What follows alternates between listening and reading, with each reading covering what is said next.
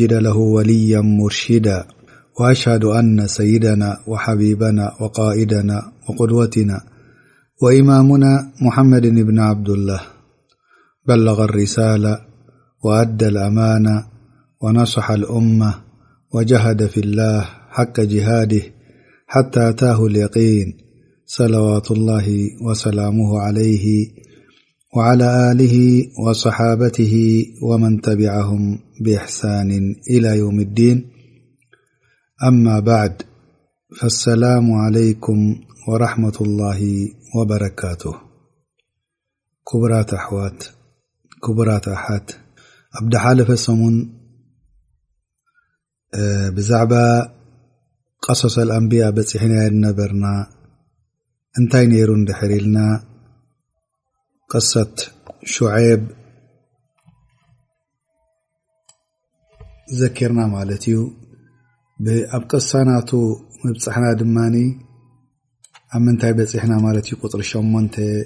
ናይ ቀሰሰል ኣንብያ በፂሕና ኣለና ማለት እዩ ናይ ሎም መዓልቲ ንኣትዋ ማለት እዩ ብዛዕባ ደቂ ኢብራሂም ዓለይ ሰላም ምስኦም ነጥርናዮም ዘለዉ እሶም ከዓኒ እስማዒል ወኢስሓቅ ወያዕቁብ ስለ ዝኾኑ ኣብ ክንዲ ናብ ዮሱፍ ቅድሚ ምእታውና ነዚኦም ክንዝክሮም ሰለስቲኦም ሎም መዓልቲ ኣድላይ ይኸውን ማለት እዩ ኣላሁ ተላ ከምቲ ቅድሚ ሕጂ ዝዘከርናዮ ብዛዕባ ኢብራሂም ክንዛረብ ከለና እንታይ ርኺብዎ ምስ ህዝቡ ኣብ ምንታይ ወዲቑ ክሳዕ ከመይ ሽግራት ተጓኒፍዎ ብዛዕባ ኢብራሂም ገሊጽና ኣብ ሰለስተ ወይ ኣብ ኣርባዕተ ሓልቃ ሓልቃ ድኣክል ወይ ከኣ ፓርትስ ድኣክል ደጋጊምናዮ ማለት እዩ ድሕሪኡ ዘኪርና ብዛዕባ ሎጥ ንምንታይ እሞ ኣብ ግዜ ኢብራሂም ስለ ተረኺቡ ድነበረት ነገር ድሕሪኡ ብዛዕባ መድየን ተዛሪብና ድሕሪኡ ብሸዔብ ዓለይህ ሰላም ተዛሪብና ንምንታይ እንድሕር ኢልና ኣብ ቁርን ክዝክረን ከሎ ረቢ እብራሂም ወሉጥ ዳሕራይ መድየን ዳሕራይ ሸዕብ ስለ ዝዝክር ኩሉ ግዜ በቲ ቁርን ኣሰራርዓ ተኸትልና ማለት እዩ ንዓእቶም ዘኪርና ቅሰት ቆሙሉጥ ክዝክር ከሎ ዳሕራይ ኣስሓብ ኣይከቲ ከኣ ቆም መድየን ከም ምዃኖም ዘኪርና። ሕጂ ሎም መዓልቲ ብዛዕባ ቅድሚ ሕጂ ዝዘከርናዮ ቁሩብ ክኸውን ከሎ ላኪን ብዙሕ ደይብልና ብዛዕባ እስማዒል ዓለይህ ሰላም ወዲ ኢብራሂም ክንዛረብ ማለት እዩ። ከምቲ ቅድሚ ሕጂ ኣብ ናይ ግዜ ኢብራሂም ዝዘከርናዮ ማለት እዩ። ኣላሁ ተላ ውላድ ከም ድሃቦ ንእብራሂም ለ ሰላም ቦኽሪ ወዱ እስማዒል ከምኡ ውን እስሓቅ ከምኡ ኸዓ ካልኣት ውላድ ከም ዝነበሮ ዘኪርና ዝኾነ ይኹን ነቢ ድሕሪ እብራሂም ዓለ ሰላም ድመፀ ካብ ዙርያ ናይ እብራሂም እዩ ካብ ወለዶ ናይ ኢብራሂም ዓለይሂ ሰላም ከም ምዃኑ ካብዞም ደቁ እዚኦም ብዙሓት ደቁ ዝነበሩ ናይ ኢብራሂም ዓለይሂ ሰላም ክልተ ዓበይቲ ፍሉጣት ኣብ ቁርን ተዘከሩ ክልቲኦም ነብያት እቲ ቀዳማይ በኽሪ ወዱ ውሱ ኸኣ ዳዓበየ ደረጅኡ ዳሕራይቲ ድሕሪኡ ብመፅእ እቲ ቀዳማይ ወዱ በክሪ ወዱ ደረጃ መዕበይኡ ረቢ ንእብራሂም ዓለ ሰላም ኣዚዝዎ ንኽሓርዶ ከምቲ ረቢ ዝገለፆ እቲ ርጉፅ ዝኾነ ኸ እስማዒል ከም ምዃኑ ዓለይ ሰላም ኣዲኡ ሃጀር ከም ምዃና ኣልቁብጥያ ወይ ከዓ ግብፃዊት መስሪ ዓለይሃ ሰላም ኣዲኡ ሃጀር ከም ዝነበረት እዚ ኩሉ እዚ ከዓ ናይ ኢብራሂም ዓለይ ሰላም ቦትኡ ደር እዩ ሓደ ክልተ ሰባት ኢሎም እቲ ተሓረደ ወይ ክሓርዶ ዝተኣዘዘ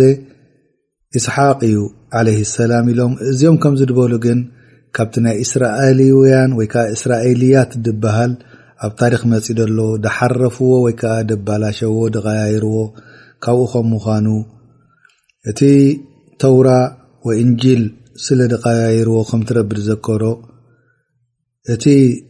ክሓዶ ተኣዘዘ ኢስሓቅ ኢሎም ስለዚ ንዕኦም ተኸቲሎም ከዓ ሓደ ክልተ ኣብ ታሪክ ዝፀሓፉ እሱ ኢሎም ዝኾነ ኮይኑ ግን ዘገድሰና ንሕና እንታይ እዩ እቲ ረቢ ንክሓርዶ ዝኣዘዘ በቲ ጭብጣዊ ፅሑፋት ዘሎ ባና እስማዒል ከም ምዃኑ ከምኡ እውን ኣብቲ ጭብጣዊ ፅሑፍ ዘሎ ናታቶም ኣብቲ ክታብ ናቶም ኣብ ናይ ብሉይ ክዳን እስማዒል ከም ምዃኑ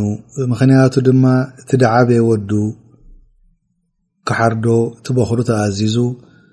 እብራሂም ክወርዶ ከሎ ዓለይ ሰላም ንዒሳ ወዲ ሰማንያ ንላዕሊ ከም ነበረ 86 ወእስሓቅ ዓለይ ሰላም ግን ድሕሪ ሚኣ ወይ ከዓ ምእቲ ምስ ሓለፈ እብራሂም እዩ ተወሊዱ ማለት እዩ እስማዒል በኽሪ ካብ ኮነ እሱ እዩ ክእዝዞ ንክሓርዶ ተኣዘዘ ስለዚ በክሩ ኣይኮነን ኢልካ ብዘረባ ምፅዋት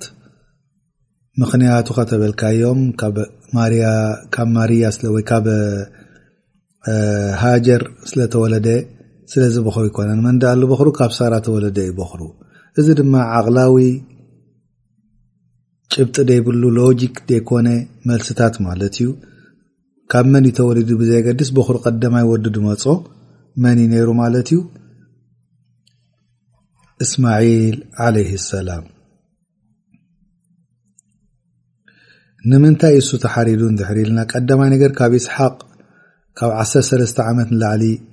ይዓብዮ ከም ድነበረ ንበይኑ ከም ድነበረ ኣቦኡ ቆልዑ ከሎ ምስ ኣዲኡ ሒዝዎም ንማካ ከም ደሃጀረ ወይ ከኣ ከም ተጓዓዘ ኣብቲ ሰዓትቲ ከኣ ጠዋባይ ቆልዓ ከም ዝነበረ ከምኡ ውን ኣብ ጎቦታት ናይ ማካ ከም ዝገደፎም ጅባል ፋራን ተባሂሉ ዝፅዋዕ ወሱ ድማ ኣብቲ ከባቢ ናይ ማካ ዘሎ እዩ ኣብኡ እኽሊ የብሎምን ማይ ዘይብሎም በጀካ ውሑድ ዝኾነ ገዲፍዎም ንረቢ ተወኪሉ እብራሂም ዓለ ሰላም ረቢ ድማ ተኸናኺንዎም ኩሉ ሽሻያት ከፊትሎም ረቢ ከዓ ንድሕር ተወኪልካ ናዓኡ ከፊል እንድሕር ጌርካዮ ንረቢ ወህወል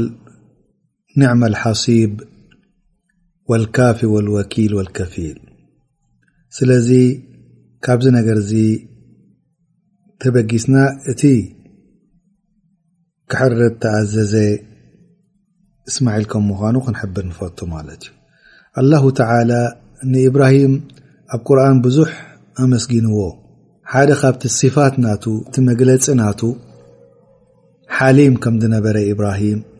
ወሰቡር ከም ዝነበረ ወሳድቅ ከም ዝነበረ ሳዲቅ ኣልዋዕድ ከም ዝነበረ ሰላት ኣብ እዋና ሰግዳ ከም ዝነበረ ንህዝቡ ቤተሰቡ ድእዝዝ ከም ዝነበረ ከምኡ እውን ካብ መገዲ ዓዛብ ድሒኖም ናብ መገዲ ጀና ናብ ረቢል ኣርባብ ክግዝኡ ይፅዋዕ ከም ዝነበረ እብራሂም ኣብ ቁርን ብዙሕ ሓበሬታት ንረኽቦ ከምቲ ረቢ ድበሎ ኣብ ሱረት ሳፋት ፈበሸርናሁ ብغላም ሓሊም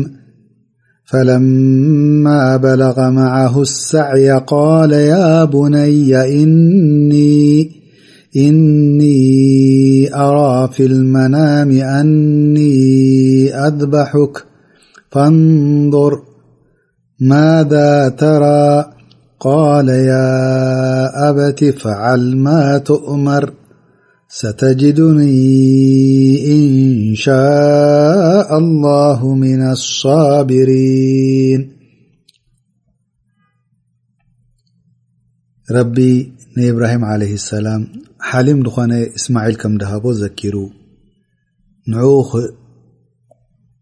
ክሳዕይ ደረጃ ምስ በፅሐ ድማ ክሓርዶ ከም ዳኣዘዘ ዘኪሩ ኣብዛ ሱራ እዚኣ ማለት እዩ እሱ ድማ ምስ ኣቦኡ ትእዛዝ ሕራይ ኢሉ ንክንፍዝ ክልቲኦም ሰብሪ ገይሮም ማለት እዩ ከምኡ ውን ረቢ ዘኪሩ ኣብ ሱረት መርየም ወذኩር ፊ ልክታቢ እስማዒለ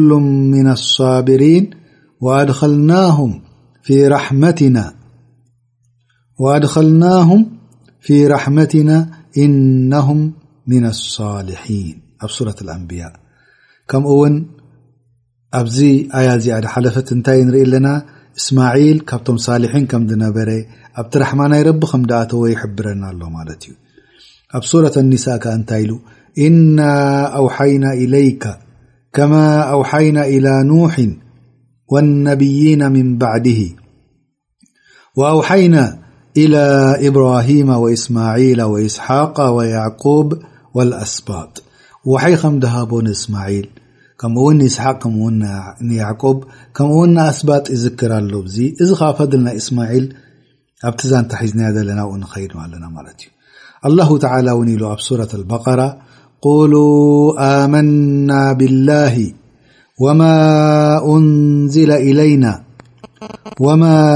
أنزل إلى إبراهيم وإسماعيل وإسحاق ويعقوب والأسباط كم ونيل الله تعالىأيسورة البقرة أم تقولون إن إبراهيم وإسميل وإስሓق وعقوب والأስب كنو هوደ أو نصራ ቁል ኣኣንቱም ኣዕለሙ ኣምላህ ይብል ኣሎ ረቢ ኣቱም የሁድ ኣቱም ክርስትያን ኢብራሂም ወእስማዒል ወኢስሓቅ ወያዕቁብ ወቶም ኣስባጥ ዘርኢ ናይ እስራኤል ናይ ያዕቁብ እዚኦም ሲ ኩሎም ሲ ክርስትያን ወይ የሁድ እዮም ነይሮም እንዲኹም ትብሉ ዘለኹም እስኹም እንዲኹም ትፈልጡስ ወላ ረቢ ኢሉ ረቢ ሕቶ የቕርብ ኣሎ እቲ መልሲ እንታይ እዩ ኣላሁ ኣዕለሙ የዕለሙ ልغይባ ወማ ትኽፊ ሱዱር ስለዚ ከም ዘይነበሩ ይሕብር ኣሎ ማለት እዩ ስለዚ እዚ ኩሉ እዚ ብዛዕባ እስማዒል ሲፋ ክዛረብ ከሎ ኣላሁ ጀለ ጀላልሁ ረቢ ከኣ ኣመስጊንዎ ንእስማዒል ኣብ ብዙሕ ኣያት ከምኡ ውን እሱ ኢሎም ኣቶም ዕለማ ታሪክ እንታይ ይብሉ ቀዳማይ ሰብ ኣብ ፈረስ ተሰቐለ እስማዒል እዩ ምክንያቱ ቅድሚኡ ናይ በረርቲ ናይ በረኻ የ ነረና ፍራስ እሱ ግን ሒዙ ሰብ ከም ዝጥቀመለን ገይርዎን ይብሉ እዚ ናይ ታሪካዊ ጉዳይ ማለት እዩ ናይ ቁርን ከይኮነ ከምኡ ውን ቀዳማይ ሰብ ብዓረብ ፈሲሕ ተዛረበ ወበሊቕ ተዛረበ እስማዒል ዓለይ ሰላም እሱ ድማ ዓረብ ኣይኮነን ነይሩ ካብ መን ተማሂርዎ ንድሕር ኢልና ካብቶም ዓረብ ኣልዓሪባ ዝበሃሉ ኣብ መካ ካብ ጀርሆም ዓማሊቕ ካብቶም ኣህልልየመን ዝኾኑ ካብኦም ተማሂርዎ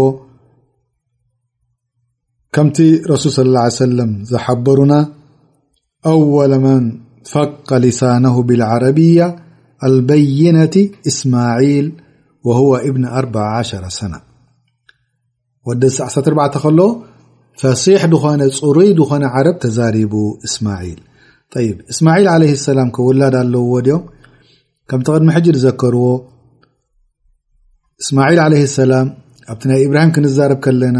ተመርዕዩ ከም ዝፀንሖም መካ ፍትሓያ ኢሉ ነተ ቀዳመይቲ ሰበይቲ ነተ ካልኣይቲ ሰበይቲ ድማ ሕዛ ኢሉ ከም ዝኣዘዞ ዘኪርና ነርና ካብዚኣም ደቂ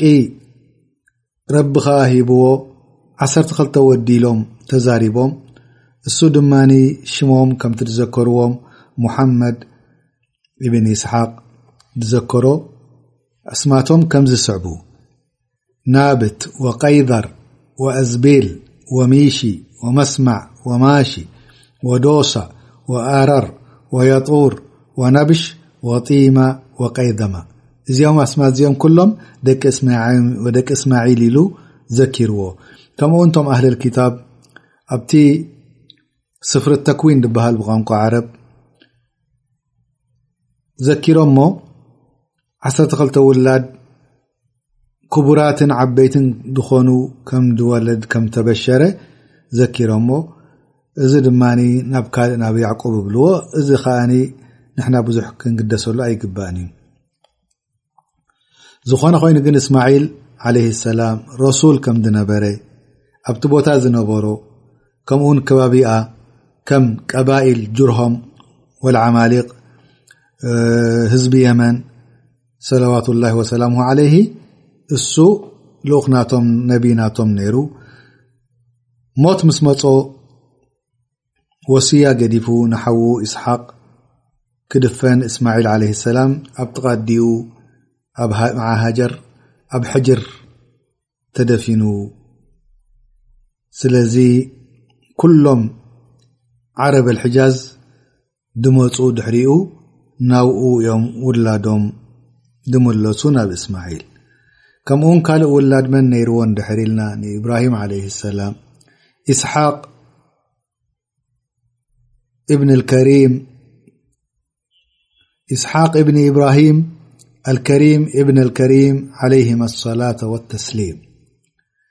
ከምቲ ዝዘከርናዮ እስማዒል ተወሊዱ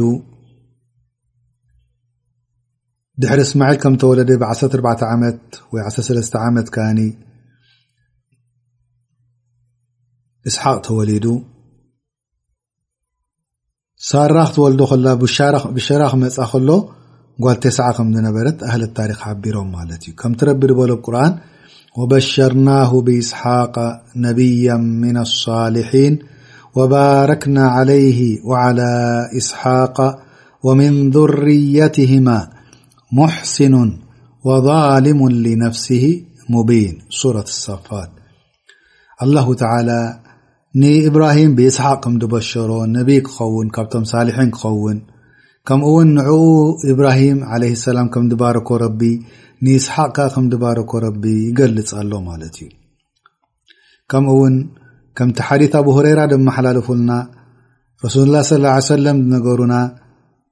ብዛዕባ ኢስሓቅ ክዛረቡ ከለዉ ከኣ ብዛዕባ ዩሱፍ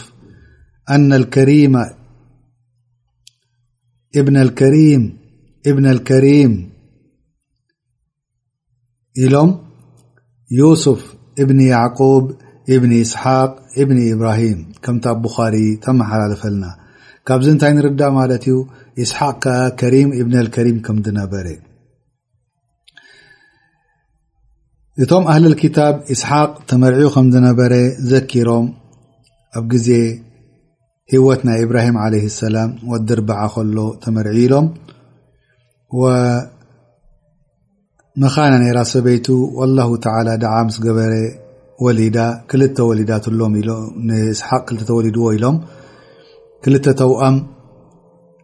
ማንታታት ማለት እዩ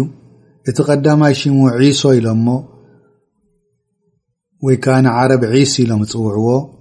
እዚ ከዓ እቶም ሮማውያን ተወለዱ ቤተሰባት ካብኡ እዮም ማለት እዩ እቲ ካልኣይ ድማ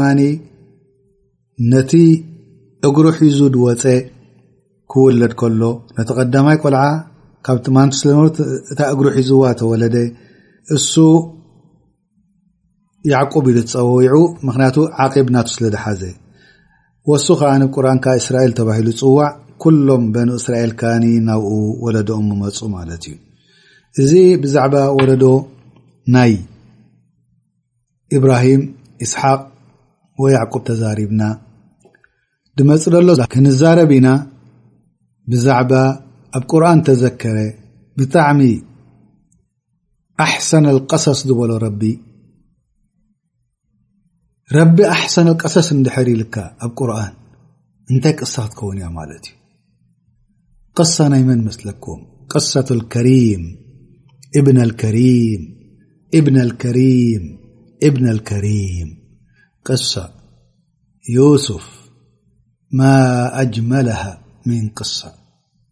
ክንደይ